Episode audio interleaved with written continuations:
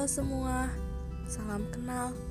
Perkenalkan nama aku Aisyah Siti Nafila dari Program Studi Pendidikan Sosiologi Universitas Pendidikan Indonesia 2020. Sekarang kamu lagi ngedengerin podcast seputar dinamika pelaksanaan demokrasi di Indonesia yang akan menemani kalian di 5 menit ke depan.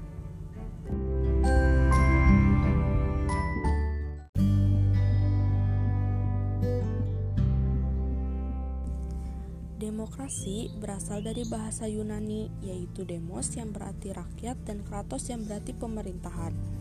Pengertian ini juga diperkuat oleh Abraham Lincoln, mantan Presiden Amerika Serikat, yang menyatakan demokrasi adalah suatu pemerintahan dari rakyat, oleh rakyat, dan untuk rakyat.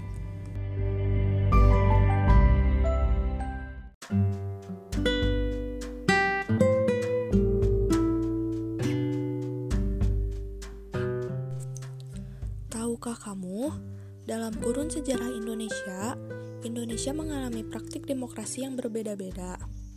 Menurut Budiarjo, Indonesia mengalami empat masa demokrasi.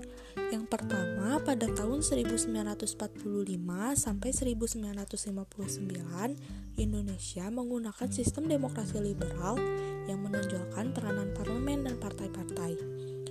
Lalu pada tahun 1959 sampai 1965, Indonesia menggunakan sistem demokrasi terpimpin. Namun, sistem ini banyak terjadi penyimpangan dari demokrasi konstitusional. Padahal secara formal, demokrasi konstitusional merupakan landasan dan penunjuk beberapa aspek demokrasi rakyat. Selanjutnya, yang ketiga, pada tahun 1965 sampai 1998, Indonesia menggunakan sistem demokrasi Pancasila. Demokrasi ini merupakan demokrasi konstitusional yang menonjolkan sistem presidensial. Dan yang terakhir, pada tahun 1998 hingga saat ini, Indonesia menggunakan sistem reformasi yang menginginkan tegaknya demokrasi di Indonesia sebagai koreksi terhadap praktik-praktik politik yang terjadi pada masa sebelumnya.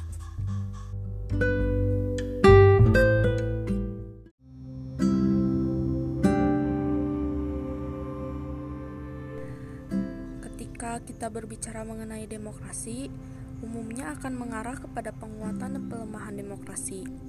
Jika dilihat dari kondisi Indonesia sekarang, maka bisa dibilang Indonesia sedang mengalami pelemahan demokrasi. Well, keadaan pemerintah di Indonesia saat ini memiliki beberapa kecenderungan.